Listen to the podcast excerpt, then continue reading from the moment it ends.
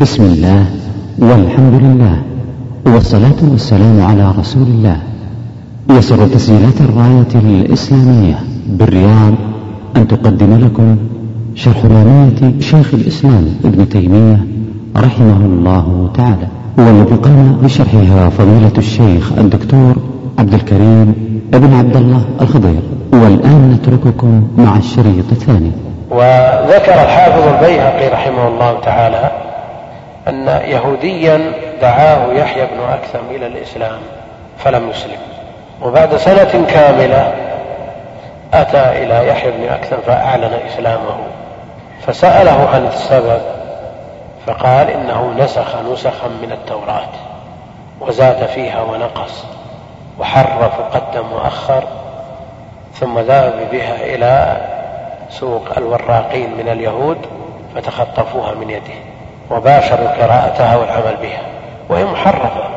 ثم عمد إلى الإنجيل فصنع فيه مثل ذلك وذهب به إلى سوق النصارى فاشتروها منه ولم يترددوا في ذلك وباشروا قراءتها والعمل بها ثم عمد إلى القرآن. فقدم وأخر بشيء يسير لا يكاد يطلع عليه إلا الفرد من الناس. ثم ذهب به إلى سوق الوراقين من المسلمين وعرض النسخ عليه كل من رأى نسخة رماها في وجهه. وقال إنه محرف يقول فعلمت أن هذا الدين حق وأن هذا الكتاب محفوظ. فأسلم. فتعجب يحيى بن أكثر. فلما حج اجتمع بسفيان بن عيينة وذكر له القصة. يقول هذا الكلام موجود في كتابه قال في كتب من قبل بما استحفظوا يعني وكل الحفظ إليهم فلم يحفظ. وكتابنا تولى الله حفظه. فتم ذلك ولا يستطيع أحد أن يزيد أو ينقص ويكتشف فورا. يكتشف. يعني في مراجعات طباعة المصحف. يعني وهذا من حفظ الله جل وعلا لدينه وحفظه لكتابه. قالوا في المراجعة رقم 140 وجدوا أن شكلا من الأشكال. شكل. يعني تشوفون الضمتين أحيانا؟ أو الفتحتين. يختلف وضعها من حرف إلى آخر فوجد شكل مخالف لنظائره في المراجعة 140 وهذا من تمام حفظ الله جل وعلا لكتابه والعين تنفر من رؤية المخالف. وعلى كل حال هذا أمر معروف ومقرر والقرآن مصون من الزيادة والنقصان بإجماع الأمة بإجماع علماء المسلمين. بعضهم يقول إن من حفظ القرآن حفظ السنة. من حفظ القرآن حفظ السنة. ولذا أنكر أن يكون في السنة شيء موضوع. أنكر أن يكون في السنة آه، شيء موضوع مكتوب على النبي عليه الصلاة والسلام. ولا شك أن هذا يرده الواقع. فالمبتدعة والزنادقة الذين يريدون إفساد الدين والمتعصبة للمذاهب والمتكسبة والمرتزقة وجهال بعض العباد والمتصوفة وقع منهم الوضع في الحديث النبوي. وذكر الحافظ ابن كثير رحمه الله في اختصار علوم الحديث أن بعض المتكلمين قال أنه لا يوجد موضوع في السنة. واستدل بالآية. والنبي عليه الصلاة والسلام لا ينطق عن الهوى. إن هو إلا وحي يوحى. ما دام الأمر كذلك فالحكم واحد في القرآن والسنة. قال لا يوجد حديث موضوع فانبرع له شخص ويقال إنه صبي. والله أعلم بحقيقة هذه القصة. فقال له ما رأيك في حديث سيكذب علي؟ إيش رأيك في حديث سيكذب علي؟ ماذا يكون الجواب؟ بيقول صحيح ولا مكذوب؟ الرد حاصل حاصل سواء صحح أو آه، أبطل. سواء حكم عليه بالصحة أو حكم عليه بالوضع الرد حاصل حاصل. فإن قال صحيح قال كيف الرسول يقول سيكذب عليه وأنت تقول لا ما يمكن يكذب عليه. وإن قال باطل يقول آه الآن كذب عليه. ولا شك أن هذا من الأجوبة المسكتة وبعضهم يشكك في حصول مثل هذا. ومثل هذا يعني يمكن يذكر في مثل هذا المجال ولو لم يثبت شو المانع؟ يعني أن تفترض الشخص قال هذا الكلام فأجيب عليه بمثل هذا الجواب. ويمكن أن يقع. وإلا من أهل العلم من شكك في مثل هذا. وأنا أقول إن الذي لا يعنى نوع من أنواع العلوم ولا تكون له به أدنى عناية يحصل منه مثل هذا. فهذا المتكلم الذي نسبت إليه هذه القصة لا عناية له بالسنة ولا يدري ما السنة كما أنه وجد من لا يعرف معنى الموضوع ممن ينتسب إلى العلم في بعض فروعه أنكر على الحافظ العراقي رحمه الله أن يكون حديث موضوع لأنه سئل عن حديث فقال لا أصل له هذا حديث مكذوب على النبي عليه الصلاة والسلام. فانبرى له شخص من العجم فقال كيف تقول مكذوب؟ وهو موجود في كتب السنة بالإسناد. فقال احضره. فأحضره من موضوعات ابن الجوزي يعني يحصل مثل هذه الغفلة يحصل مثل هذا الجهل المركب. يحصل. ولذا ينبغي أن يكون طالب العلم يعني عنده نوع من الشمول والتفنن والأخذ من كل علم يخدم نصوص الوحيين بكفايته. يعني قبيح بطالب القرآن أن لا يعرف السنة وعلوم السنة. كما أنه قبيح بطالب السنة أن لا يعرف ما يتعلق بكتاب الله جل وعلا. ويحتاج إلى مع ذلك إلى ما يخدم نصوص الوحيين ويعينه على فهمهما. المقصود أن القرآن كلام الله جل وعلا. في قول أهل السنة قاطبة هو قول سلف هذه الأمة وأئمتها أنه كلام صدر من الله جل وعلا بصوت وحرف سمعه جبريل وسمعه موسى وسمعه محمد عليه الصلاة والسلام ليلة الإسراء منه بدأ وإليه يعود. نطق به جل وعلا على الكيفية التي لا نعلمها. والمعتزلة رأيهم في كلام الله جل وعلا أنه مخلوق خلقه في الهواء أو خلقه في ذات جبريل أو في ذات محمد عليه الصلاة والسلام. وحينما نادى موسى من الشجرة خلق الكلام في الشجرة فالشجرة هي التي نادت موسى. عندهم حقيقة هي التي نادت موسى وقالت إني أنا ربك وحينئذ لا فرق بين قول الشجرة إني أنا ربك وبين قول فرعون أنا ربكم الأعلى. في فرق ولا ما في فرق؟ ما في فرق. لأن المعتزلي يمكن أن يقول كلام فرعون صحيح. أنا ربكم الأعلى. لأن الله جل وعلا خلق فيه هذا الكلام. ما المانع أن يقال مثل هذا؟ فقول المعتزلة والقول بخلق القرآن باطل.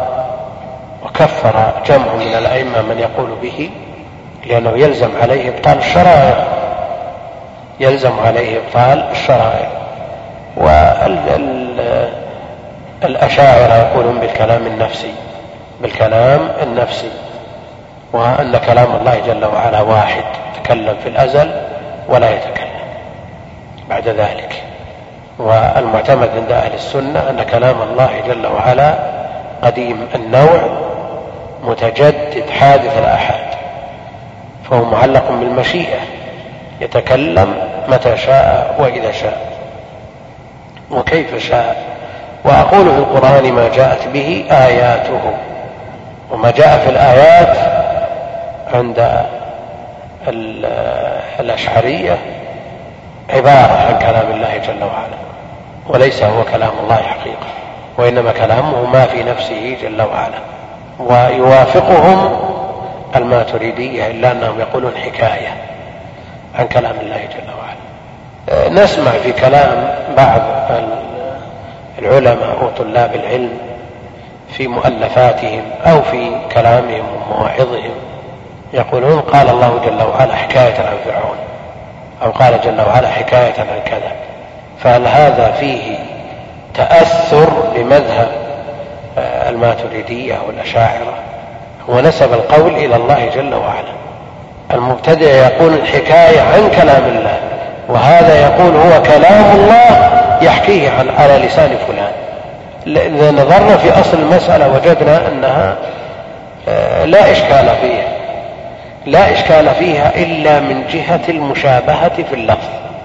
أولئك يقول حكاية عن كلام الله وهؤلاء يقولون حكاية عن كذا. فلفظ الحكاية ينبغي أن يتقى لأنه يوقع في لبس ويظن بالقائل أنه يوافق المبتدعة.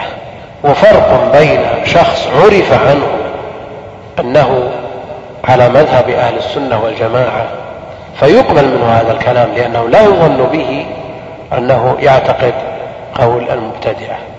ويمكن حمل كلامه على وجه صحيح بينما لو كان الشخص من من المبتدعة من ماتريدية أو أشعرية قلنا لا يا أخي. لا لا. لا تقل مثل هذا الكلام. أقول ونظير ذلك بعض الشراح أو أكثر الشراح حينما يأتون إلى قول النبي عليه الصلاة والسلام والذي نفسي بيده يقول روحي في تصرفه. روحي في تصرفه. إذا كان هذا الشارح ممن ينفي الصفات عن الله جل وعلا بما في ذلك اليد قلنا كلامك باطل. لأن قلت مثل هذا الكلام للفرار عن إثبات اليد لله جل وعلا. وإذا كان عرف بأنه يثبت اليد لله جل وعلا على ما يليق بجلاله وعظمته وقال معنى والذي نفسي بيده روحي في التصرف كلام صحيح. ما في روح ليست في تصرف الله جل وعلا. لكن إن كان قال ذلك متذرعا هاربا عن إثبات الصفة لله جل وعلا فلا شك أن مثل هذا يرد عليه. وعلى كل حال النص فيه إثبات اليد لله جل وعلا على ما يليق بجلاله وعظمته ولازمه معروف. وأقول في القرآن ما جاءت به آياته فهو القديم المنزل في بعض النسخ الكريم وفي بعضها العظيم. ولا شك أن القرآن كريم كما دل على ذلك القرآن وعظيم أيضا. أما القديم فلفظ أنكره شيخ الإسلام. قد يثبته على سبيل التنزل في الرد على بعض الخصوم مقرونا بالأزلي القديم الأزلي يعني المتناهي في القدم. وإلا القديم المفرد بدون الوصف بكونه أزلي فلم يرد في النص في نص يعتمد عليه وهو أيضا لا يدل على التناهي والأولية. الله جل وعلا هو الأول فليس قبله شيء ولا يقال قديم. لماذا؟ لأن الحداثة والقدم أمور نسبية أمور نسبية. فلو قدر أنك اشتريت آلة من الآلات إما سيارة وإما قلم أو نعل أو ثوب. اشتريت العام الماضي وفي هذه السنة اشتريت آخر. فتأمر ولدك ائتني بالقلم القديم أو ائتني بالقلم الجديد. ما اشتريته في العام الماضي هو القديم وما اشتريته في هذه السنة هو الجديد. فهل مثل هذا يمكن أن يوصف الرب أو ما يتعلق به من كلامه بمثله. لا يمكن لأن القدم نسبي لأنه قد يوجد ما هو أقدم منه. إنما هو قديم بالنسبة لما حصل بعده. فهو القديم المنزل على نبيه عليه الصلاة والسلام. وأقول قال الله جل جلاله وأقول قال الله جل جلاله والمصطفى الهادي ولا أتأول. يعني أعتقد ما جاء عن الله جل وعلا وعن نبيه عليه الصلاة والسلام مما يتعلق بالله جل وعلا من من أسماء أو صفات أو أفعال على ما يليق بجلاله وعظمته فلا أتأول فلا أتأول. يعني أعتقد ما جاء عن الله وعن رسوله عليه الصلاة والسلام ولا أتأول ذلك بل أمره كما جاء على ما سيأتي. الرحمن على عرش استوى استوى. فلا أتأول أترك الاحتمال الراجح إلى الاحتمال المرجوح. هذا هو التأويل عند المتأخرين وقد يطلق التأويل على التفسير وهذا كثير في كلام أهل العلم. وفي تفسير الطبري من أوله إلى آخره القول في تأويل قول الله جل وعز كذا. في تأويل يعني في تفسير فالتأويل يطلق ويراد به صرف اللفظ عن احتمال الراجح إلى احتمال المرجوح وهذا ما عليه أهل الكلام. والتأويل على القول الثاني وهو التفسير يطلق بإزاء التفسير. ويطلق بإزاء ما يؤول إليه الأمر. ما يؤول إليه الأمر. ومنه تأويل الرؤيا. وأقول قال الله جل جلاله والمصطفى الهادي ولا أتأول في بعض النسخ للمصطفى. أقول ما قال الله جل جلاله للمصطفى. يعني ما أنزله على نبيه عليه الصلاة والسلام سواء كان من الوحي المتلو بألفاظه وحروفه أو كان مما حدث به عليه الصلاة والسلام. ولا أتأول وجميع آيات الصفات آيات الصفات أمرها سواء كانت الصفات ذاتية أو فعلية على ما يليق بجلال الله وعظمته. هذا هو مذهب أهل السنة والجماعة يثبتون ما أثبته الله لنفسه وأثبته له ورسوله عليه الصلاة والسلام على ما يليق بجلاله وعظمته. فلا يشبهونه بخلقه ليس كمثله شيء. ولا ينفون عنه ما أثبته لنفسه من صفات الكمال ونعوت الجلال لأن الله جل وعلا يقول بعد النفي ليس كمثله شيء أثبت وهو السميع البصير. فيجمعون بين نفي ما نفاه الله جل وعلا عن نفسه والنفي غالبا ما يكون مجملا ويثبتون ما أثبته لنفسه والإثبات غالبا ما يكون مفصلا. وجميع آيات الصفات أمرها والمبتدعة منهم من ينفي الأسماء والصفات وهؤلاء هم الجهمية ومنهم من يثبت الأسماء وينفي جميع الصفات وهؤلاء هم المعتزلة ومنهم من يثبت الأسماء ويثبت بعض الصفات سبع مثلا وينفي ما عداها كالأشعرية والمبتدعة. وأقوال كثيرة جدا لا يتسع المقام لبسطها. وجميع آيات الصفات أمرها حقا أمرها كما جاءت وجاء عن جمع من سلف هذه الأمة بهذا اللفظ أمروها كما جاءت تمر كما جاءت. حقا كما نقل الطراز الأول تمر كما جاءت لأن عندنا التشبيه وهو أن يقال يد كيد المخلوق نزول كنزول المخلوق. مثلا هذا تشبيه. وهناك تعطيل بأن يقال لا يد ولا نزول من غير تأويل. وهناك من يتأول. ومآله إلى التعطيل. الذي يؤول اليد بالنعمة مثلا. هو لا يثبت اليد. يثبت النعمة لا يثبت اليد. متى تأول الصفة بغيرها فقد عطل الصفة. لكن فرق بين من يعطل عناد يقول لا يد لئلا يشبه المخلوق بالخالق ليس كمثله شيء. ولا أما الذي يتأول مع أن مآله إلى التعطيل فيقول اليد جاءت في لغة العرب يراد بها النعمة. لا شك أنه يفر بهذا من إثبات الصفة ومآله إلى التعطيل ولم يصل إلى التعطيل حتى مر بقنطرة التشبيه. لأنه تخيل أن اليد لا يمكن إثباتها إلا على ما يليق بالمخلوق مع أن هذا الكلام ليس بصحيح من أصله. الإمام ابن خزيمة في كتاب التوحيد لما ذكر الوجه لله جل وعلا ويبقى وجه ربك قال وجه يليق بالله جل وعلا يليق به جل وعلا. ليس كمثله شيء. وإذا تصورنا عدم المشابهة بين المخلوقات فعدم التشابه بين الخالق والمخلوق من باب أولى. عدم التشابه بين الخالق والمخلوق من باب أولى. يقول المخلوقات لها وجوه. الجمل له وجه والقرد له وجه والإنسان له وجه والنملة لها وجه والجرادة لها وجه. إذا نظرنا في هذه المخلوقات بينها تشابه ولا ما بينها تشابه؟ بون بون كبير بين هذه المخلوقات. لا, تش... لا نسبة بينها إلا أنها تشترك في أمور. فإذا نفي التشابه بين هذه المخلوقات فلا ينفى التشابه بين الخالق والمخلوق من باب أولى. لأن متى نعرف كيفية الشيء؟ نعرفه إذا رأيناه أو رأينا نظيره أو جاءنا عنه ما يدل عليه؟ ولم يحصل شيء من ذلك.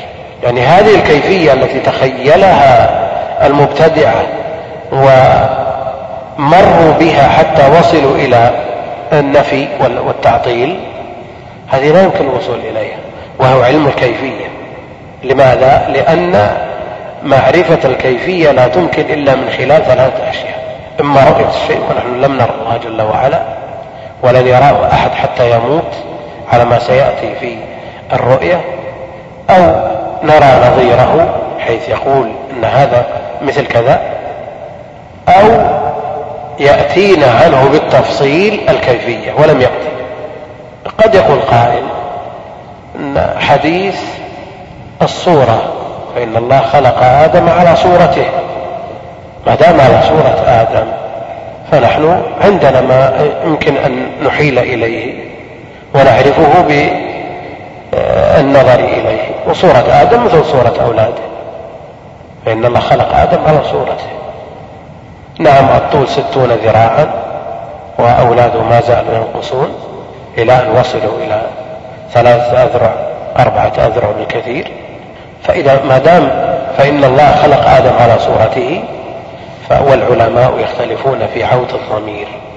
هل هو على صورته؟ يعني على صورة هذا المضروب لأنه نهى عن ضرب الوجه. فإن الله خلق آدم على صورته يعني على صورة هذا المضروب أو على صورة الرحمن كما جاء في بعض الروايات. وهذه يختلف أهل العلم في ثبوتها. وعلى كل حال لو ثبتت ما دلت على التشبيه. لأن إثبات الصورة لا يعني إثبات التشبيه من كل وجه. لا يعني إثبات المشابهة من كل وجه فالأول زمرة تدخل الجنة على صورة البدر. على صورة البدر. يعني هل نقول إن أول زمرة تدخل الجنة تدخل بدون آه، بدون عينين ولا أنف ولا فم ولا شيء؟ ممكن نقول هذا. فإثبات الصورة أمر إجمالي لا تفصيلي. وليس في هذا مستمسك لمبتدئ. ورواية على صورة الرحمن مسألة مختلف فيها أو آه، الزيادة هذه مختلف فيها ومن أهل العلم من يثبتها. وعلى سبيل التنزل لو ثبتت كما قال بعض أهل العلم ليس فيها مستمسك لمبتدع وجميع آيات الصفات أمرها. أمرها. أمرها إمرار. يعني هل إمرار من يثبت الصفات لآيات الصفات وأحاديث الصفات كإمرار الكلام الذي لا معنى له لأن هناك شيء يقال له التفويض. وآيات الصفات جاء عن سلف الأمة أنها تمر كما جاءت. لا شك أن آيات الصفات وأحاديث الصفات عن نصوص الصفات لها معاني. فالاستواء له معنى اليد لها معنى الرجل لها معنى النزول له معنى والمعنى معلوم لكن كيفية هذا المعنى مجهولة. ففرق بين إمرار كما جاء الإمرار كما جاءت الوارد في آه، كلام السلف وبين تفويض المفوضة. فالتفويض لا شك أنه بدعة بدعة. وبعض الناس يلتبس عليه الأمر ما دام نمرها كما جاءت لا نفهم لها شيء. المعنى معلوم الاستواء معلوم والكيف مجهول. فالذي نفوضه الكيفية والمعنى نعرفه. في لغة العرب ما يدل عليه لكن مع ذلك لا نسترسل في بيان هذا المعنى بل نقتصر على ما ورد عن سلف هذه الأمة. يعني فرق بين أن تقول اليد معروفة المعنى. عندك مثلا شخص ما رأيته. ما رأيته. اسمه زيد. زيد وأنت ما رأيته. هل تقول إن هذه الكلمة لا أعرفها لأني ما رأيت زيد؟ نعم. تعرف هذه الكلمة زيد. إنه علم على شخص مأخوذ من الزيادة أو ما أشبه ذلك له معنى. لكن هذه الدلالة المسمى الاسم على المسمى هل يمكن أن تتصور أن طوله زائد من اسمه زيد وأنت ما رأيته؟ نعم. أو عرضه زائد أو وزنه زائد لا. أن تعرف أن لها معنى لكن كيفية هذا المعنى المطابق لهذا الشخص ما تعرف. يعني فرق بين زيد وديس عكس زيد. المفوضة يقول ينزل ربنا مثل ديس ما نعرف لها معنى كأنها ديس عكس زيد. ديس وش معناها؟ لها معنى ولا ما, ما لها معنى. لكن زيد لها معنى. تطبيق هذه الكلمة على الذات الله أعلم بها. لأن ما رأينا زيد هذا اللي يتحدث عنه.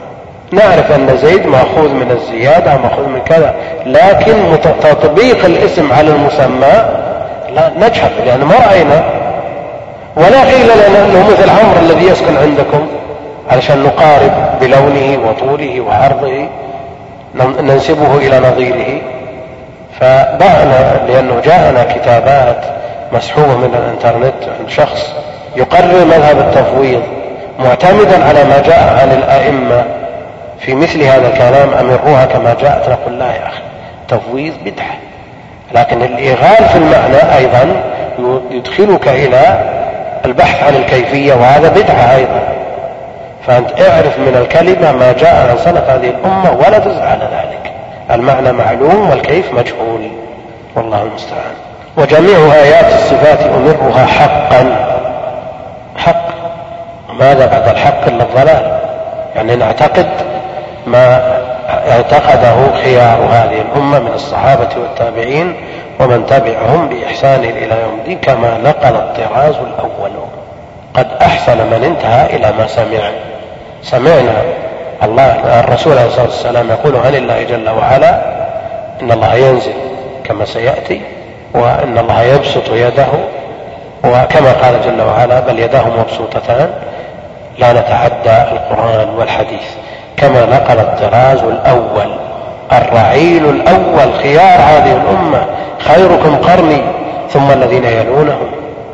الطراز الأول الذين هم الجيل الأول والرعيل الأول من الصحابة والتابعين وسلف هذه الأمة وأئمتها. والطراز الأصل فيه النقوش والتطريز الذي يكون على الثياب لأنها زينة. ولا شك أن سلف هذه الأمة زينة لهذه الأمة. كما أن النجوم زينة للسماء. كما نقل الطراز الأول وأرد عهدتها إلى نقالها. وأرد عهدتها إلى نقالها وأصونها عن كل ما يتخيل. بلغني عن الثقات أن الله ينزل كل ليلة. فالعهدة على هؤلاء الثقات. العهدة عليهم. هناك موازين لقبول الروايات والمرويات. علي أن أطبق هذه الموازين. فإذا ثبتت هذه المرويات لثقة نقلتها العهدة عليهم. لأنه قد يقول القائل الراوي ثقة. لا إشكال في كونه ثقة لكنه ليس بمعصوم. نقول نعم ليس بمعصوم. ولو طردنا مثل هذا الكلام ما قبلنا خبر البتة. لكن ما دام ثقة قبوله لا قبول خبره لازم. ما لم يعارض من هو أوثق منه. والعهدة عليه إن أخطأ يتحمل. ولا يتفق الرواة في مثل هذا الباب على خطأ.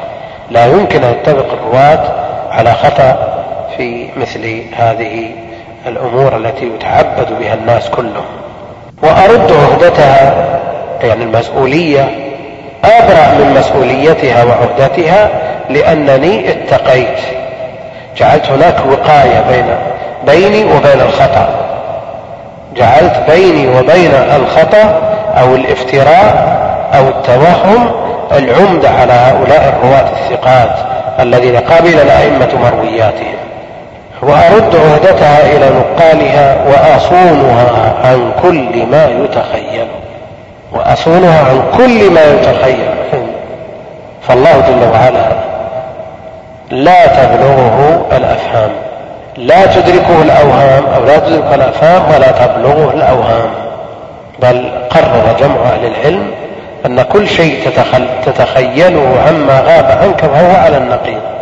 لأنه لا يمكن أن تدرك بشيء تدرك شيئا. بالنسبة للمخلوقين.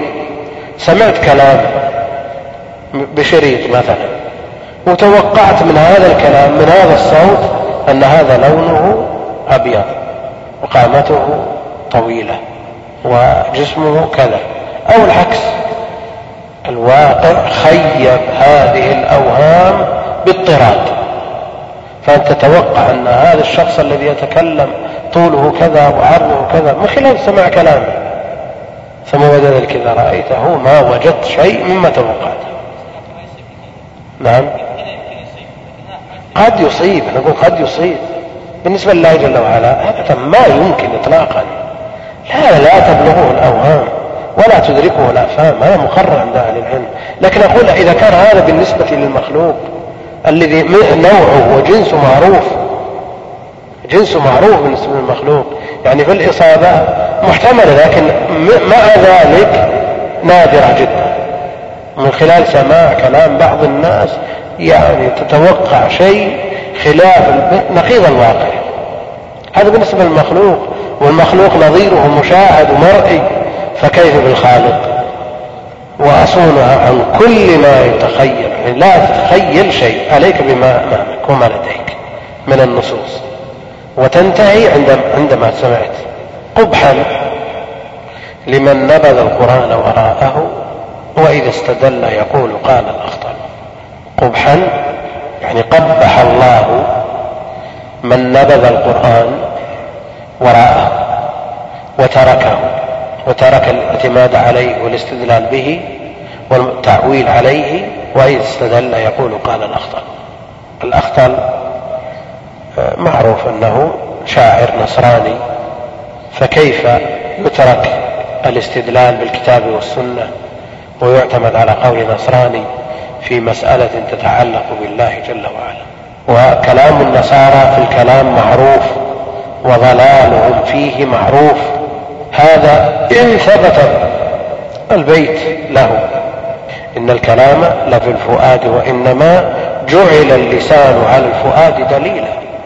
أولا لا يوجد في ديوانه في أصوله المعتمدة ولذا نفاه كثير من أهل العلم نفى النسبة إلى الأخطل. ولو ثبتت نسبته إلى الأخطل فمثل هذا لا يقبل من ألف ثقة. فضلا عن شاعر فضلا عن كافر نصراني قول النصارى في الكلام معروف وعيسى كلمة الله جل وعلا جعلوها جزءا منه وبضعة منه. تعالى الله عما يقولون علوا كبيرا. قبحا لمن نبذ القرآن وراءه وإذ استدل يقول قال الأخطل وشيخ الإسلام يشنع الناظم يشنع على من يترك الاستدلال بالكتاب والسنة ويستدل بمثل هذا القول. قول الباطل. وشيخ الإسلام ذكر هذا البيت في مجموع الفتاوى ونسبه إلى مبهم. قال المنشد آه، قبحا لمن نبذ القرآن. فما نسبه لنفسه ولا نسبه إلى شاعر غيره. فما زال الاحتمال قائما أن يكون هذا البيت ضمن هذه القصيدة وهي له أو ليست له. الاحتمال قائم. يقول ابن القيم رحمه الله تبا لهاتيك العقول فإنها والله قد وسخت على الأبدان تبا لمن أضحى يقدمها على الأخبار والآثار والقرآن. والناظم رحمه الله يقول قبحا لمن نبذ القرآن وراءه وإذ استدل يقول قال الأخطل. هذا في المسائل الأصلية يعتمد على قول نصراني أو مجهول لا يدرى من هو أو مولد لا يستدل بشعره وكثير من من المنتسبين إلى المذاهب تجده يعارض القرآن بقول الإمام بقول الإمام ومنهم من جعل الكتاب والسنة لمجرد البركة والمعول على أقوال الأئمة وأنه لا يجوز العدول عن أقوال الأئمة ولو خالفت القرآن. النص بالحرف يقول الصاوي في حاشيته على الجلالين ولا يجوز الخروج عن المذاهب الأربعة ولو خالفت الكتاب والسنة وقول الصحابة ثم قال لأن الأخذ بظواهر النصوص من أصول الكفر. نسأل الله العافية. والمؤمنون يرون حقا ربهم وإلى السماء بغير كيف ينزل. والمؤمنون يرون حقا ربهم وإلى السماء بغير كيف ينزل. الناظم رحمه الله تعالى يقرر في هذا البيت الرؤية رؤية المؤمنين لربهم في الجنة ويقرر أيضا النزول الإلهي في الثلث الأخير من الليل. فالرؤية ثابتة بنصوص الكتاب والسنة. وجوه يومئذ ناظرة إلى ربها ناظرة والنظر إذا عدي بإلى حقيقة بالرؤية البصرية.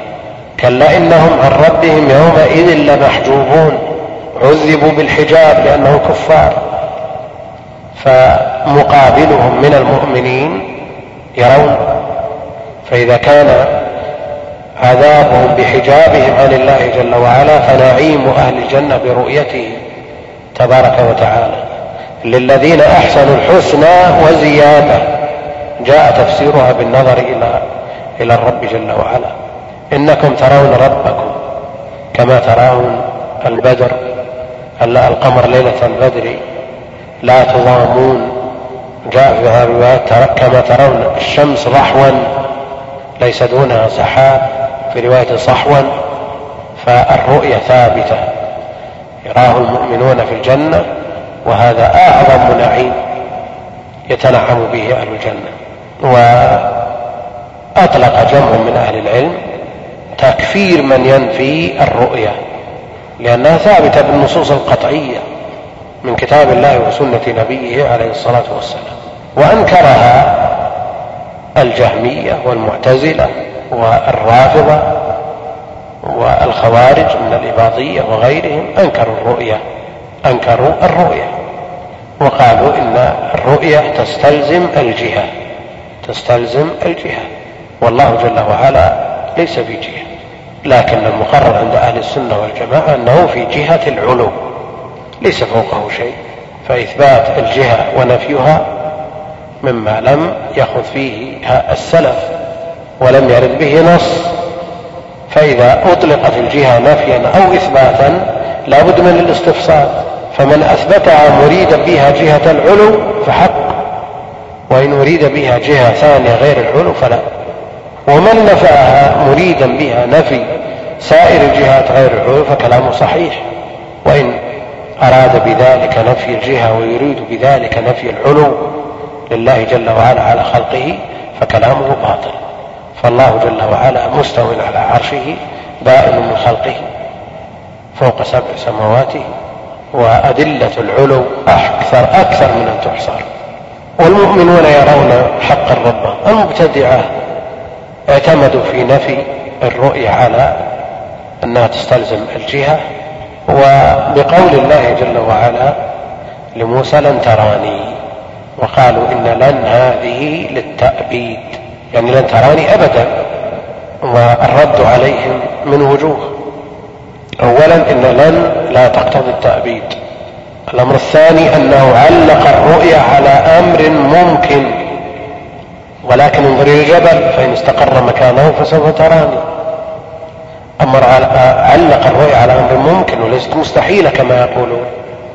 ولو كانت مستحيلة لما طلبها موسى عليه السلام. فهي ممكنة لكن لن تراني في الدنيا. وجاء في الحديث أنه لن يرى أحد منكم ربه حتى يموت. فالرؤية في الدنيا غير ممكنة. ولن هذه ليست للتأبيد كما يقول المعتزلة ويقرره الزمخشري.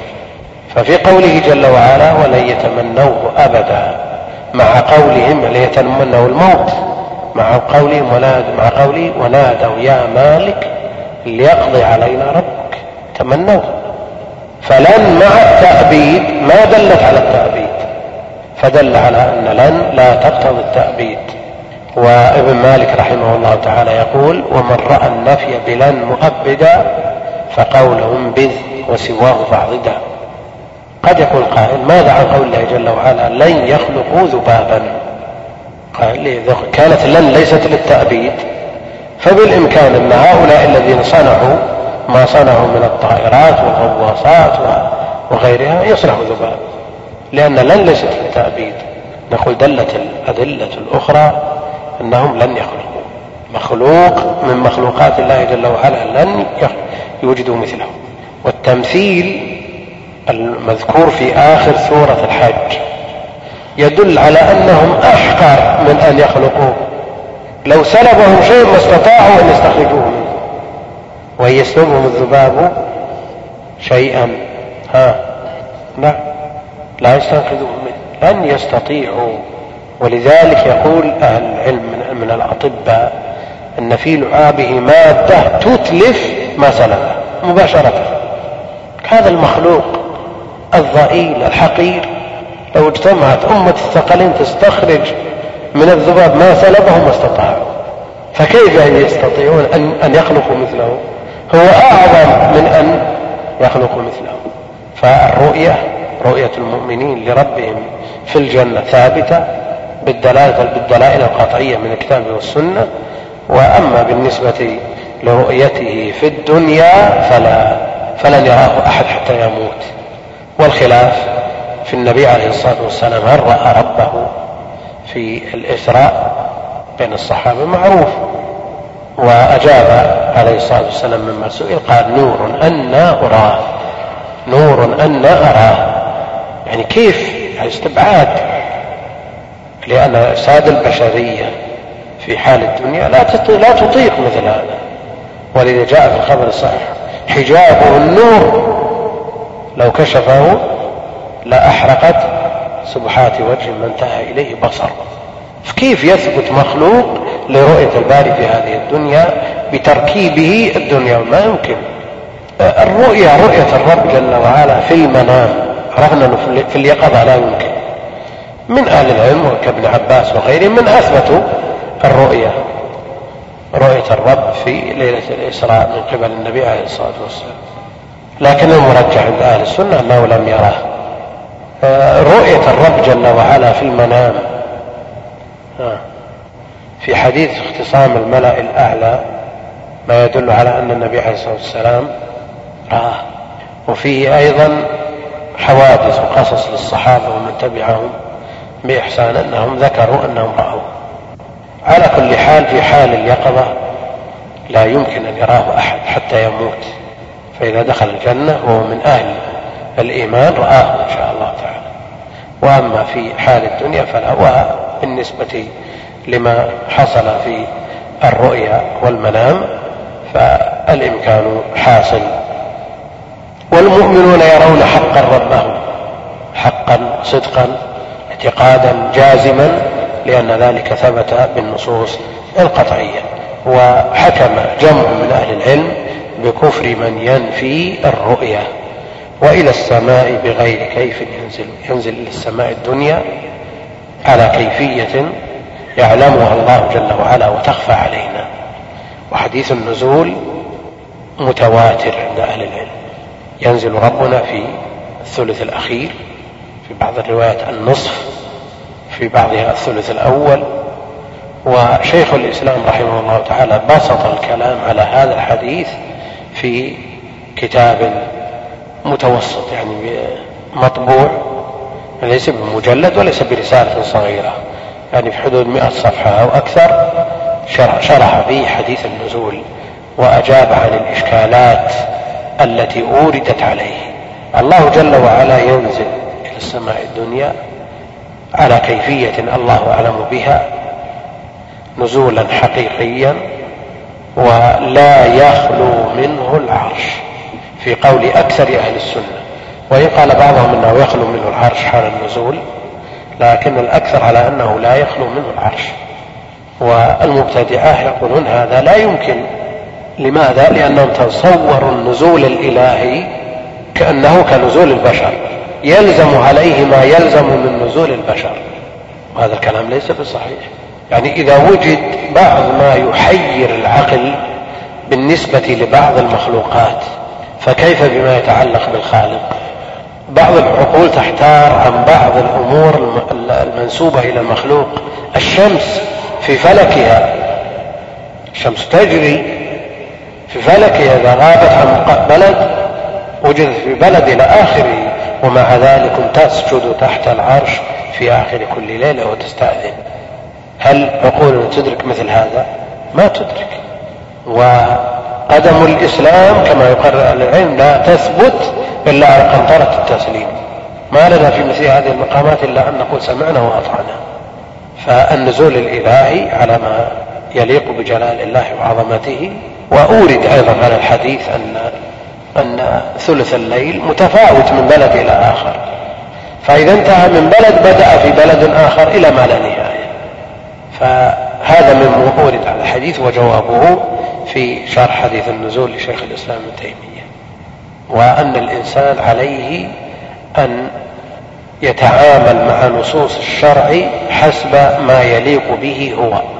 أنت في الثلث الأخير تعرض لنفحات الله. ولا عليك من أهل السند وأهل وأهل الهند وأهل المغرب ما عليك إلا من نفسك.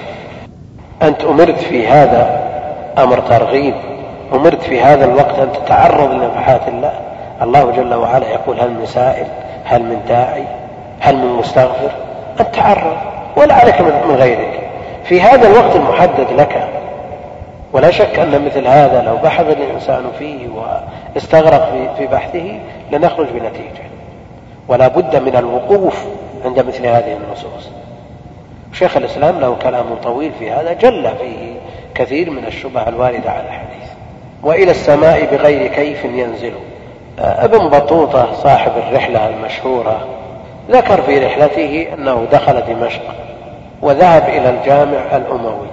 ووجد شخص كثير العلم قليل العقل يتحدث عن حديث النزول يشرح حديث النزول على المنبر ثم نزل من خلال درج المنبر وقال إن الله ينزل كنزول هذا. وسماه يقصد شيخ الإسلام ابن تيمية. وهذه محض فرية. لأن شيخ الإسلام في الوقت الذي دخل فيه من بطوطة الشام مسجون في القلعة فابن بطوطة لا يوثق به. لا بأخباره ولا بعلمه ولا برحلته ولا بوصفه. لأن هذه الرحلة مشحونة بالشركيات والاعتقاد في الأولياء وأنهم يصرفون الكون. مشحونة يعني ما يمر ببلد إلا يبحث عن القبور ويذكر له قبر في رأس جبل يقصده الأيام من أجل أن يتبرك به. ودعا وزعم ادعى وزعم في بعض الأولياء أنهم يصرفون الكون وأقول من أراد أن يطلع أو يفهم كتاب التوحيد وما يضاد ما في هذه الأبواب في كتاب التوحيد يقرأ مثل هذه الرحلة. يجد الأمثلة لما يضاد هذه الأبواب. والله المستعان. نسأل الله السلامة والعافية. فمثل هذا لا يوثق به ولا بكلامه علما بأن الشيخ رحمه الله تعالى ما عرف عنه مثل هذا. وهو من أشد الناس تنزيه لله جل وعلا. ومع ذلك هو يثبت ما أثبته الله لنفسه. سم. بسم الله الحمد لله والصلاة والسلام على رسول الله وعلى آله وصحبه ومن والاه. اللهم اغفر لنا ولشيخنا وللحاضرين والمستمعين يا رب العالمين. قال الناظم رحمه الله ونفعنا الله بعلمه وبعلم شيخنا وأقر بالميزان والحوض الذي أرجو بأني منه ريا أنهل وكذا الصراط يمد فوق جهنم فمسلم ناج وآخر مهمل مهمل مهمل وآخر مهمل والنار يصلاها الشقي بحكمة وكذا التقي إلى الجنان سيدخل ولكل حي عاقل في قبره عمل يقارنه هناك ويسأل.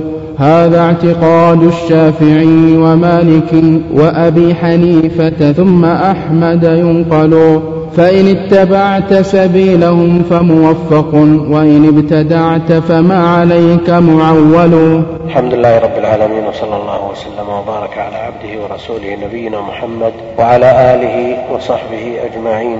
أما بعد فيقول الناظم رحمه الله تعالى في البيت الحادي عشر وأقر يعني بلساني وجناني بل أعتقد جازما اعتقادا لا شك فيه ولا مراء بالميزان الذي توزن به الأعمال توزن به الأعمال توزن به الحسنات والسيئات وتوزن به الصحف ويوزن به العامل. فالوزن للأعمال في قول أهل العلم والوزن لصحف الأعمال وقد يوزن بعض الأشخاص. فقد ثبت في الحديث الصحيح أنه يؤتى بالرجل السمين يوم القيامة لا يجزن عند الله جناح بعوضة. فهو يوزن. والأصل الوزن للأعمال الصالحة والسيئة. والميزان حقيقي وليس بمعنوي كما يقوله أهل البدع بل هو حقيقي له كفتان له كفتان وله لسان. في إحدى كفتيه توضع الحسنات وفي الأخرى توضع السيئات. فمن زادت حسناته على سيئاته فهو ناج ومن أهل الجنة ومن زادت سيئاته على حسناته فهو الخاسر. وقد خاب وخسر من زادت آحاده على عشراته. فإذا رجحت كفة الحسنات فهذا يدخل الجنة ومن زادت سيئاته على حسناته فهذا يدخل النار بقدر سيئاته إن كان مسلما معترفا مقرا بالله جل وعلا. ثم بعد ذلك إذا عذب بقدر سيئاته إن لم تتداركه رحمة أرحم الراحمين فإنه يعذب بقدر ذنوبه ثم يخرج منها ويكون مآله إلى الجنة. وأما من تساوت حسناتهم مع سيئاتهم فقال جمع من أهل العلم أنهم هم أهل الأعراف هم أهل الأعراف فهم قوم تساوت حسناتهم وسيئاتهم يحبسون على الأعراف ثم يكون مآلهم إلى الجنة. وأقر بالميزان المعتزلة ينكرون الميزان والأحاديث الواردة في الميزان تفيد القطع. وكذلك ما جاء في القرآن من التنصيص على الوزن وعلى الميزان والموازين ونضع الموازين القسط ليوم القيامة. من ثقلت موازينه ومن خفت موازينه. كل هذه تدل دلالة قطعية على وجود وثبوت الميزان وينفي وينكر المعتزلة الميزان. ويقولون إن الحسنات والسيئات معاني معاني والمعاني لا توزن. والله جل وعلا قادر على تحويل هذه المعاني إلى أعيان بحيث تكون لها أجسام بقدرها توضع في الميزان. وكلمة التوحيد في بطاقة إذا وضعت في كفه رجحت بما يقابلها كما في حديث البطاقة وأن شخصا قررت سيئاته فاعترف بها وهي في تسعة وتسعين سجلا. فيقال هل لك من حسنة. فيقول لا لا أذكر. فيقال نعم لك حسنة. فيؤتى بالبطاقة التي فيها كلمة التوحيد التي فيها كلمة التوحيد. فيقول يا رب ما تصنع هذه البطاقة في مقابل هذه السجلات؟ فتوضع في الكفة الأخرى فتطيش السجلات وترجح البطاقة. وأقر بالميزان والحوض الذي المعتزلة من من حججهم وشبههم في نفي الميزان أن الله جل وعلا ليس بحاجة إلى وزن الأعمال فقد كتبت وهو يعرفها ويعرف النتيجة وأن هذا سعيد وأن هذا شقي وأن هذا من أهل النار وأن هذا من أهل الجنة وهو في بطن أمه قبل أن يخلق قبل أن يوجد وفي علم الله جل وعلا ذلك قبل المقصود أن هذه من شبههم والفائدة من الميزان كما قرر أهل العلم أن يقتنع كل إنسان بنتيجته. فلا يقول من دخل الجنة أنا دخلت الجنة بعملي ولا يقول من دخل النار أنا عذبت وعوقبت بأكثر مما أستحق. فإذا نظر إلى عمله وقرر عليه وأقر به واعترف ووضع في الميزان ليس له حجة. فينقطع عذره ويخرج تخرج النتيجة من عالم الغيب إلى عالم الشهود فإنكار الميزان من شأن المبتدعة وهو ثابت من نصوص الكتاب والسنة وأنكر من أنكر الميزان إنكارا لا تأويل له فيه هذا لا شك أنه يكفر لكن من تأوله؟ وقال نعم نقر بالميزان وأنه ميزان معنوي لا شك أن بدعته مغلظة كبيرة لكن القول بتكفيره مع وجود مثل هذا التأويل آه، قد يكون بعيدا. وأقر بالميزان والحوض الذي أرجو بأني منه ريا أنهله. الحوض حوض النبي عليه الصلاة والسلام ونهر الكوثر الذي أعطيه عليه الصلاة والسلام من الأمور الثابتة بالدلائل القطعية بنصوص الكتاب والسنة. أما في الكتاب في السورة المشهورة بالكوثر إنا أعطيناك الكوثر وهو نهر في الجنة. نهر في الجنة مسيرة شهر ماؤه أشد بياضا من اللبن وآنيته عدد نجوم السماء.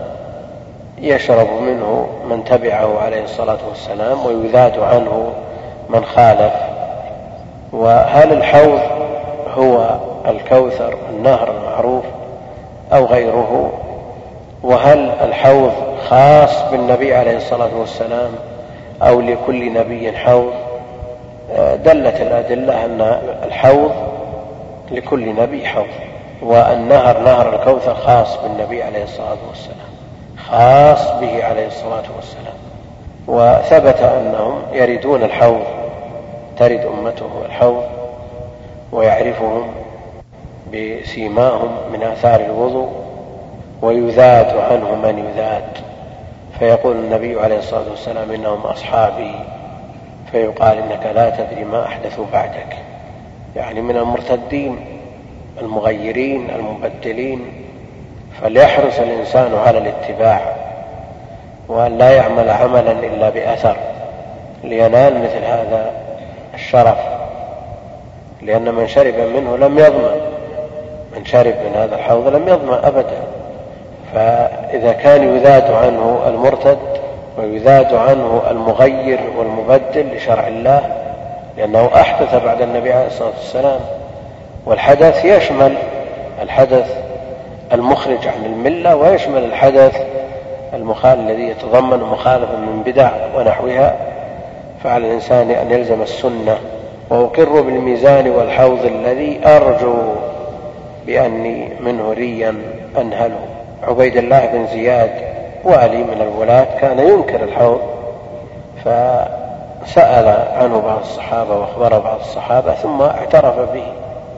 وفي حديث أبي برزة عند أبي داود أن النبي أن أبا برزة رضي الله تعالى عنه دخل على عبيد الله بن زياد وقال له عبيد الله بن زياد إن محمديكم الدحداح.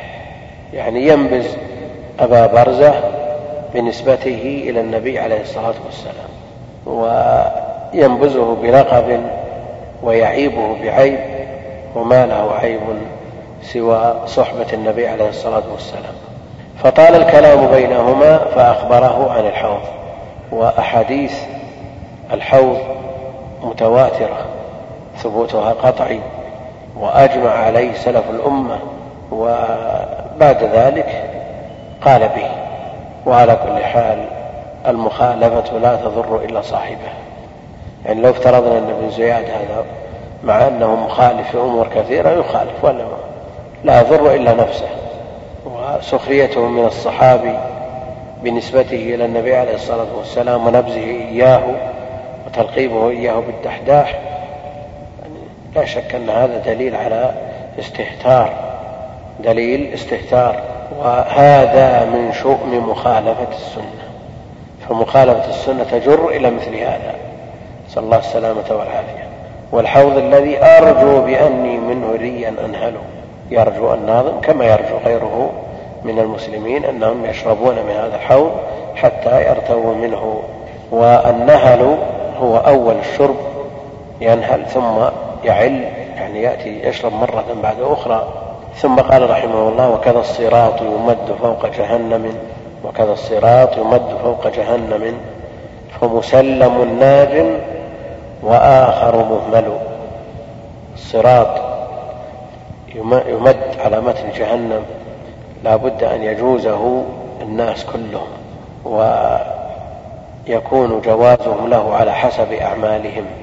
فمنهم من يكون مروره كالبرق ومنهم من يكون كأجود الريح ومنهم كأجاود الخيل ومنهم من يمشي ومنهم من يهرول ومنهم من يحبو ومنهم من يكبو ويكب على وجهه في النار. نسأل الله السلامة والعافية. وكذا الصراط يمد فوق جهنم. وجهنم اسم من أسماء النار نسأل الله العافية. فمسلم ناج في بعض النسخ فموحد ناج. وأما المشرك فإنه لا ينجو. المشرك لا ينجو بل يكب. وآخر مهمله في بعض النسخ يهمل. المسلم الذي هو الموحد ينجو ويجوز الصراط بحسب عمله. وأما الآخر غير المسلم غير الموحد وهو المشرك يهمل فلا يعان على جوازه فيكب على وجهه في النار. نسأل الله السلامة والعافية. والنار يصلاها الشقي بحكمة النار لا يصلاها إلا الأشقى الذي كذب وتولى. والنار يصلاها الشقي بحكمة وكذا التقي إلى الجنان سيدخل. الشقي الأشقى الذي جاءه الخبر عن الله وعن رسوله فلم يرفع به رأسا أمر فلم يأتمر ونهي فلم ينتهي ولم يزدجر. مثل هذا نسأل الله السلامة والعافية. شقي وسيصلى نار جهنم. نسأل الله العافية. بحكمة يعني لا بظلم. من الله جل وعلا وإنما بحكمة لأن الله جل وعلا هداه النجدين وبين له الطريق وأوضح له السبيل وأنار له الطريق المستقيم وتركه النبي عليه الصلاة والسلام على البيضاء لا يزرع عنها إلا هالك فاختار طريق الردى. والناس كلهم يدخلون الجنة إلا من أبى. فمن أطاع النبي عليه الصلاة والسلام دخل الجنة ومن عصاه فقد أبى. فالذي يأبى بعد البيان لا يلوم إلا نفسه وإنما هي الأعمال تحصى. فمن وجد خيرا فليحمد الله ومن وجد غير ذلك فلا يلومن إلا نفسه. فالشقي يصلى النار بحكمة الله جل وعلا وعدله يعني بما كسبت وبما جنت يداه. وكذا التقي يعني من جعل بينه وبين عذاب الله وقاية. وكذا التقي الفاعل للمأمورات والمجتنب للمحظورات إلى الجنان سيدخله فريق في الجنة وفريق في السعير ولا ثالث له. فليختر الإنسان ما دام في وقت الإمكان يختار نجاة نفسه وما ينجيه من عذاب الله جل وعلا. ولا يمهل ولا يسوف أو يتأخر بالامتثال أو يتردد ثم يفاجأ بالموت وهو لم يستعد. وهما فريقان كما قال الله جل وعلا فريق في الجنة وفريق في السعير. الله جل وعلا لما خلق الخلق ميز المكلفين بالعقول التي هي مناط التكليف وبين لهم وهداهم إلى السبيل فالذي يختار غيره يجني على نفسه. ولكل حي عاقل في قبره ولكل حي عاقل في قبره. لكل حي يعني قبل وفاته عاقل يعني مكلف يعني من كان حيا عاقلا مكلفا إذا مات وجد في قبره عمل يقارنه هناك ويسأل الأعمال تصحب أصحابها فإذا مات الميت تبعه أهله وماله وعمله. فيرجع المال من دابة ونحوها مما يركب إليه وكذلك يرجع الأهل ويبقى العمل يبقى العمل. لكل حي عاقل في قبره عمل. ثم إن هذا العمل إن كان حسنا صالحا جاءه في صورة شاب حسن الوجه يؤنسه في قبره ويدافع عنه وثبت أن الأعمال الصالحة تدافع عن أصحابها والقرآن يأتي شفيعا لأهله يوم القيامة والزكاة تدافع عن مؤديها والصلاة وهكذا. تأتي هذه الأعمال الصالحة على صورة شاب حسن الوجه وتأتي الأعمال السيئة نسأل الله العافية على على أقبح صورة موحشة. عمل يقارنه يقارنه هناك فإما أن يكون مؤنسا له أو موحشا ويسأل عن عمله يمتحن يبتلى في قبره فإذا انصرف أهله عنه وإنه ليسمع قرع نعالهم. أتاه ملكان فيقعدانه يجلسانه فيسألانه من ربك وما دينك؟ وما هذا الرجل الذي بعث فيكم؟ أما المؤمن يجيب بالجواب المعروف فيقول ربي الله وديني الإسلام ونبي محمد عليه الصلاة والسلام هذا الرجل آمنا به وصدقنا وأما من سواه الكافر أو المرتاب فيقول ها ها لا أدري سمعت الناس يقولون شيئا فقلته ثم يضرب بمرزبة من حديد يسمعها كل من يليه إلا الثقلين. وهذا يدل على أن الثقلين لا يسمعون عذاب المعذبين ولو سمعوا لصعقوا. والنبي عليه الصلاة والسلام يقول لولا أن تدافنوا في بعض الألفاظ لولا أن لا تدافنوا لأسمعتكم يعني لولا أن تدافنوا يعني يدفن بعضكم بعضا لكثرة من يموت. ولولا أن لا تدافنوا بحيث يوجد من لا يمكن دفنه لكثرة من يموت. والوجهان يمكن حملهما على معنى صحيح. فهذا يدل على أن المعذبين لا يسمع عذابهم. وقد يسمع من باب الاعتبار أو قد يرى في النوم شيء من هذا أو قد يحصل أن ينبش قبر لأمر من الأمور فيرى العذاب فيه كما ذكر ذلك الحافظ بن رجب في قصص كثيرة في كتاب له أسماءه أهوال القبور. ويكون هذا لحكمة ليعتبر ويذكر من حاله. وقد تظهر بعض العلامات أثناء التغسيل علامات حسن الخاتمة أو ضدها كل هذا ليعتبر يعتبر المكلف ويذكر ويزدجر. فإن رأى العلامات الحسنة سأل عما كان يعمله من الأعمال الصالحة وعمل مثله. وإن كان بخلاف ذلك سأل أيضا ليحذر من هذه الأعمال التي يرتكبها من ختم له بسوء. نسأل الله العافية. يسأل يسأله الملكان وجاء في تسميتهما المنكر والنكير وهما ملكان وقال بعضهم إنهما ثلاثة أو أربعة بشير ومبشر ومنكر ونكير. وجاءت بذلك روايات لا تثبت وإنما الثابت أنهما ملكان. وتسميتهما بمنكر ونكير جاءت في بعض الأحاديث من طرق متعددة ما يدل على أن له أصلا. هذا اعتقاد الشافعي ومالك. هذا اعتقاد الأئمة الأربعة الشافعي ومالك وأبي حنيفة ثم أحمد ينقل ذكر الأربعة غير مرتبين والنظم له ظروفه له ظروفه.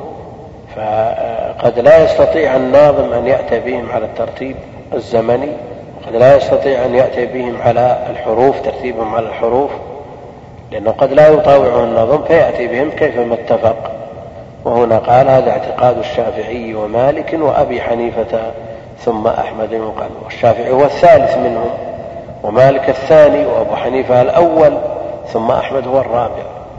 ولو قال أحمد ثم الشافعي ثم مالك ثم أبي حنيفة نقول رتبهم على سبيل الترقي.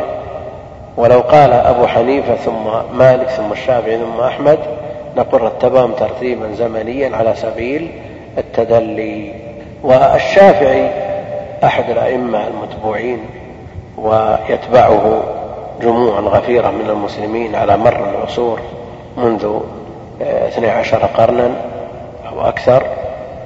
فولد سنة مئة وخمسين في السنة التي توفي فيها أبو حنيفة ومات سنة أربع ومائتين يعني عن أربع وخمسين سنة. عن أربع وخمسين سنة. ومذهبه له انتشار واسع جدا. ولأصحابه وأتباعه من خدمة العلم والدين ما لهم. فكثير من المفسرين وشراح الحديث والفقهاء والأئمة من الشافعية ويكثر فيهم أيضا الأئمة المتبعون للحديث والأثر بحيث يخالفون ما عليه إمامهم ويتبعون الأثر.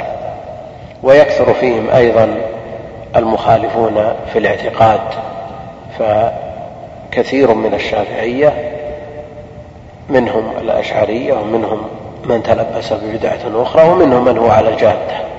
منهم من هو على الجادة كالحافظ بن كثير والمزي وغيرهما والذهبي أئمة هدى.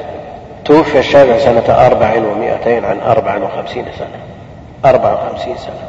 يعني الآن عندنا أبو الخمسين أو الخمس والخمسين يظن نفسه في ريعان الشباب وأنه بقي له من العمر أكثر مما مضى وهو لا يدري لعله يقبض في اليوم أو في غد.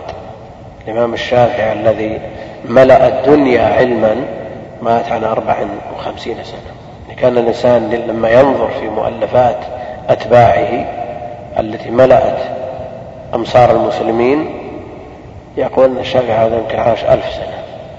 وليست العبرة بالمدة العبرة بالبركة. تصور أن الشافعية لو حسبت الشافعية من زمن الشافعي إلى يومنا هذا في كل مسألة من مسائل العلم يقول قال الشافعي رحمه الله وهذا مذهب الشافعي رحمه الله. هذه بركة العلم.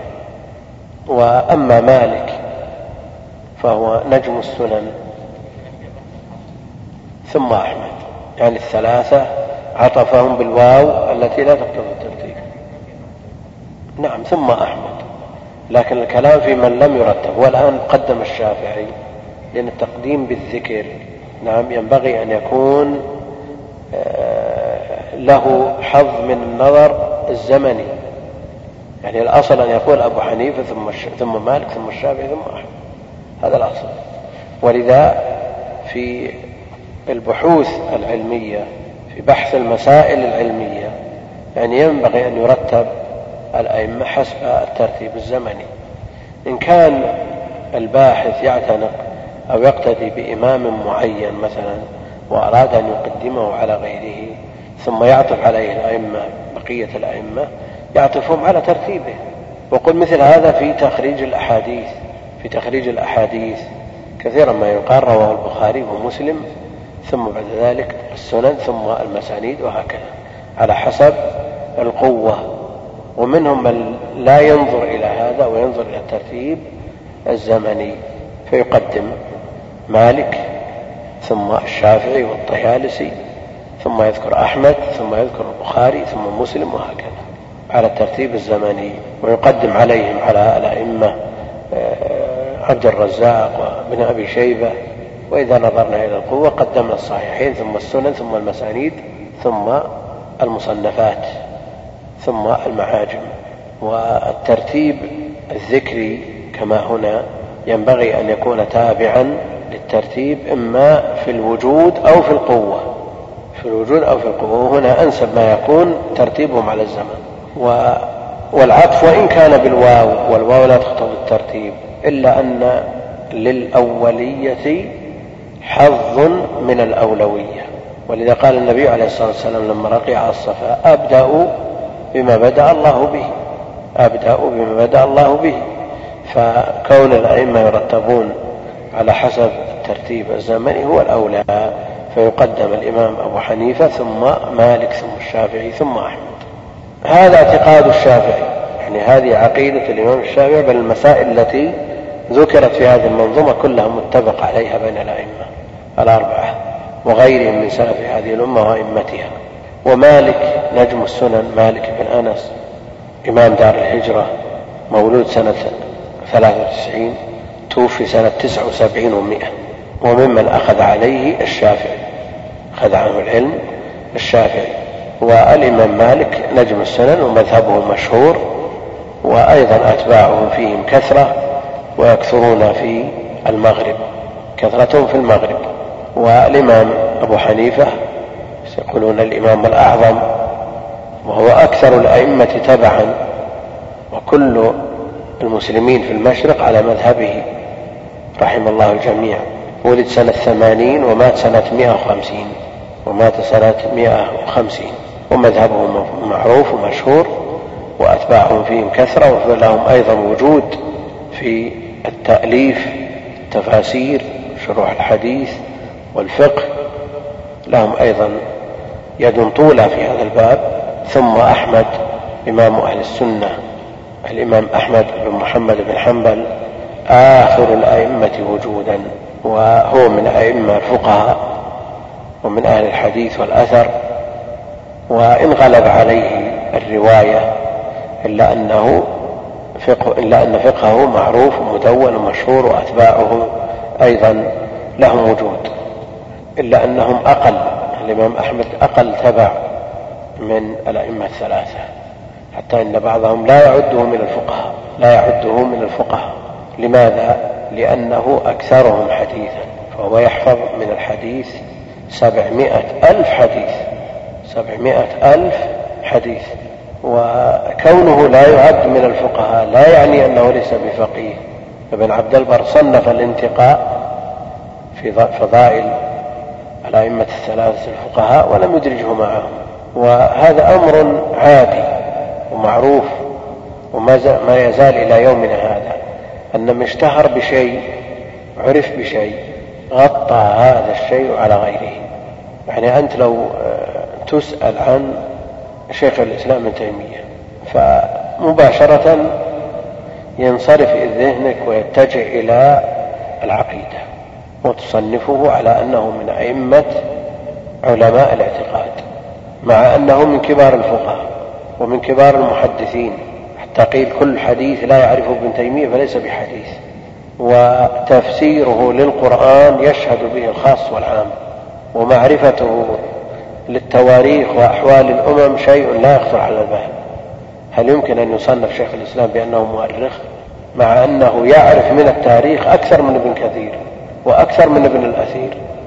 لماذا؟ لأن عنده جانب صار كالشمس في حياته غطى ما عداه على الإمام أحمد عرف بالحديث لكن لا أنه ليس بفقيه لا يعني أنه ليس بإمام من أئمة الاعتقاد اعتقاد السلف. هو حامل راية عقيدة السلف رحمه الله. فالناس لا يستوعبون. خلاص إذا هجم الذهن على جانب من الجوانب غطى ما عدا. يعني لو أن عالم من أكبر العلماء اشتهر بالخطابة صنف خطيب يصنف خطيب. الناس ما يحسنون وزن. الناس تجد إذا اشتهر بشيء خلاص كأنه لا يعرف غيره. وبعض طلاب العلم تأثرا بمثل هذا قيل لماذا لا تشرح كتاب الرقاق؟ قال لا أود أن أصنف واعظ لأنه إذا عرف بهذا الأسلوب جرد عن غيره. الناس كثير منهم لا يستوعب. يعني عرفت عنايته بالحديث معناه أنه ليس بفقيه. وبهذا يرمى كبار المحدثين بأنهم ليسوا فقهاء وعلى رأسهم الإمام أحمد ولذا ينفر من مذهبه وأنه مذهب مذهب مذهب أهل الحديث وفيه شدة. الإمام البخاري رحمة الله عليه من كبار سادة الفقهاء ومن نظر في صحيح عرف حقيقة ما أقول وعنده دقة في النظر والاستنباط قد لا يوازيه كثير من الأئمة. فهو فقيه وإن كان محدثا لأنه عرف بالحديث عرف بالحديث. فمن اشتهر بشيء يعني لا شك أنه يهجم على قلوب الناس ما عرف عنه واشتهر به ويغطي ما عداه كالشمس. وإن كان الإمام أحمد فقهه واضح ومشهور وأقواله متداولة وأتباعهم فيه كثرة ومصنفاتهم آه، لا تخفى على أحد. ثم أحمد ينقل يعني ينقل عنهم هذا الاعتقاد. ينقل عن هؤلاء الأئمة عن هذا الاعتقاد. فأنا أرويه عنهم بالنقل. شيخ الإسلام يسأل عنه آه، محمد رشيد رضا فيقال هل شيخ الإسلام ابن تيمية أعلم من الأئمة الأربعة أو هم أعلم منه؟ فيجيب بجواب فيه إنصاف. يقول باعتبار شيخ الإسلام ابن تيمية تخرج على كتب الأئمة الأربعة وعلى كتب أصحابهم لا شك أن لهم الفضل عليهم من هذه الحيثية. وباعتبار اطلاعه على ما كتبه الأئمة الأربعة وكتبه أتباعهم وإحاطته بذلك لا شك أنه يفوقهم من هذه الجهة وذلك فضل الله يؤتيه من يشاء. من أهل العلم من عرف بالتفنن بمعنى أنه يحسن العلوم كلها وإذا تكلم في علم ظننت أنه لا يحسن غيره. يعني بمعنى أنه لا يغلب عليه علم من العلوم بحيث يطغى على غيره. وإنما يكون متفننا عارفا بالقرآن وعلومه كأهله وعارف بالسنة وعلومها كأهلها وعارف بالفقه كالفقهاء قواعده وأصوله وعارف بالاعتقاد ومذاهب الناس. المقصود أن أنه يوجد مثل هذا.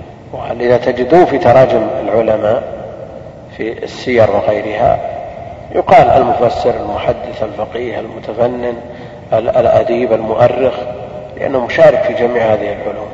لكن إن رجح عنده علم من العلوم غطى على غيره. يقول فإن اتبعت سبيلهم فموفق فإن اتبعت سبيلهم فموفق لا شك أن هذه علامة التوفيق. أن يكون الإنسان مقتديا بهؤلاء بالسلف. يتبع سبيل من سلف اتبعوا ولا تبتدعوا فقد كفيتم وهذه علامة التوفيق. توفيق الإنسان أن يكون على الجادة وليست عنده شواذ. متبع لا مبتدع فإن اتبعت سبيلهم فموفق وإن ابتدعت فما عليك معول وإن ابتدعت فما عليك معول يعني اخترعت قولا تنسبه إلى الدين مما لم يسبق له شرعية في الكتاب ولا في السنة فما عليك معول بل أنت متروك مطرح أنت وقوم وما ابتدعته على حد سواء. يقول ما الراجح في عدد النفخات في الصور هل هي اثنتان أم ثلاث؟ ومتى تكون أهوال يوم القيامة؟ هل هي في النفخة بعد النفخة الأولى أم الثانية أم قبلها؟ جاء ما يدل على أنهما نفختان. نفخ في الصور فصعق من في السماء ثم نفخ فيه أخرى فإذا هم قيام. ما في ثالثة وجاء ما يدل على أنها ثلاث بزيادة نفخة الفزع. نفخة الفزع. كل هذا ثابت. يقول قلتم الأولو الأولية تدل على الأولوية فهل تطبق هذه القاعدة في قوله عليه الصلاة والسلام أحب الأسماء إلى الله عبد الله عبد الرحمن؟ فهل عبد الله أحب إلى الله من عبد الرحمن؟ على كل حال هذا كلام أهل العلم ومقرر عندهم أن الأولوية لها نصيب في الأولوية ويدل لذلك قوله عليه الصلاة والسلام أبدأ بما بدأ الله به. فلو بدأ الأب بالتسمية بعبد الله لأن النبي عليه الصلاة والسلام بدأ بها وإن قدم وأخر باعتبار أن الواو لمطلق الجمع ولا تقتضي الترتيب فالأمر في ساعة إن شاء الله تعالى. يقول هل الصوفية من أهل السنة والجماعة إن كان المراد بالصوفية كما يقول بعضهم العباد من تميز بعبادة يطلق عليه في وقته في بلد من البلدان أنه صوفي يعني عابد وزاهد فأهل السنة هم من هذا النوع. لديهم عبادة ولديهم علم ولديهم عمل. وكبار الأئمة تميزوا بالعلم والعمل.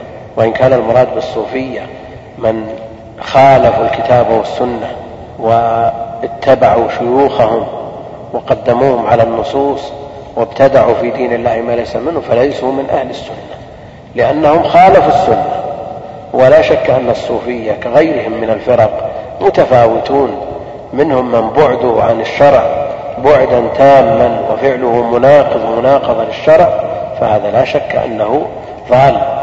بل وجد في في في الصوفية من كفره أشد من كفر اليهود والنصارى. نسأل الله العافية. ووجد من بدعته ليست مغلظة يعني يبتدع ويتعبد على غير هدى لكنه لا يصل إلى حد البدع المخرجة عن الملة. هناك من يقدح بأبي هريرة رضي الله عنه وهم الشيعة فهل يكفرون بذلك؟ والقصد حد ما أتاهم من أمور الدين. على كل حال التكفير أمره وشأنه خطير لكن المعروف أن من دعا غير الله جل وعلا فهو كافر. ومن قذف عائشة بعد أن برأها الله جل وعلا فهو كافر. من ادعى نقص القرآن كافر بلا شك. ومن اعتقد هذه الأمور لا إشكال في كفره. يسأل يقول ما معنى قول الشيخ ابن قاسم في حاشية الدرة المضية على عقيدة السفارينية فيما نقله عن الإمام أحمد؟ من قال إن الإيمان مخلوق فقد كفر. لعله يقصد القرآن. ومن قال إنه غير مخلوق فهو مبتدع. وماذا نقول؟ هل السكوت هو السلامة؟ السلامة في اتباع من سلف ما قالوا به قلنا به وما سكتوا عنه سكتنا عنه والخلاف المذكور عن الإمام البخاري رحمه الله تعالى ومحمد بن يحيى الذهلي في مسألة اللفظ اللفظ بالقرآن. والإمام البخاري شنعوا عليه وأوذي بسبب اللفظ. وأنه يقول لفظي بالقرآن مخلوق ولا شك أن هذا الكلام ما أثر عن من سلف. واللفظ يحتمل أن يكون اللفظ الذي هو إخراج الحروف من فم اللافظ بمعنى التكلم الذي هو المصدر ويحتمل أن يكون المراد به الملفوظ اسم المفعول وهو القرآن. فمن قال اللفظي بالقرآن مخلوق يريد به تلفظه به وقراءته للقرآن وهي عمل له والله جل وعلا خلقه وخلق عمله. من هذا الوجه يمكن حمله على وجه صحيح. وأما إذا أراد باللفظ الملفوظ الذي هو القرآن فهو قول الجهمية. ومثل هذه الألفاظ المجملة التي تحتمل أهل العلم يشددون في إنكارها. ولذا جاء عنهم من قال بالقرآن لفظي بالقرآن مخلوق فقد كفر. يعني كأنه قد قال القرآن مخلوق. لأن هذا اللفظ المجمل يحتمل أن يراد به الملفوظ وهو القرآن. الإمام البخاري يقول أفعال العباد مخلوقة وألف في ذلك كتابا أسماه خلق أفعال العباد. وعلى كل حال الامتحان الذي حصل للإمام البخاري لا يسلم من شوب حسد لأنه صرفت أنظار أهل الحديث إليه وترك المحدثون في البلد الذي دخل عليه لما دخل نيسابور. المقصود أن هذا الكلام المجمل لا يجوز إطلاقه بل لا بد من التفصيل فيه. واجتنابه هو الأصل والاقتصار على الوارد هو المتعين. يقول كيفية استشعار عظمة الخالق عز وجل في خلق الإنسان؟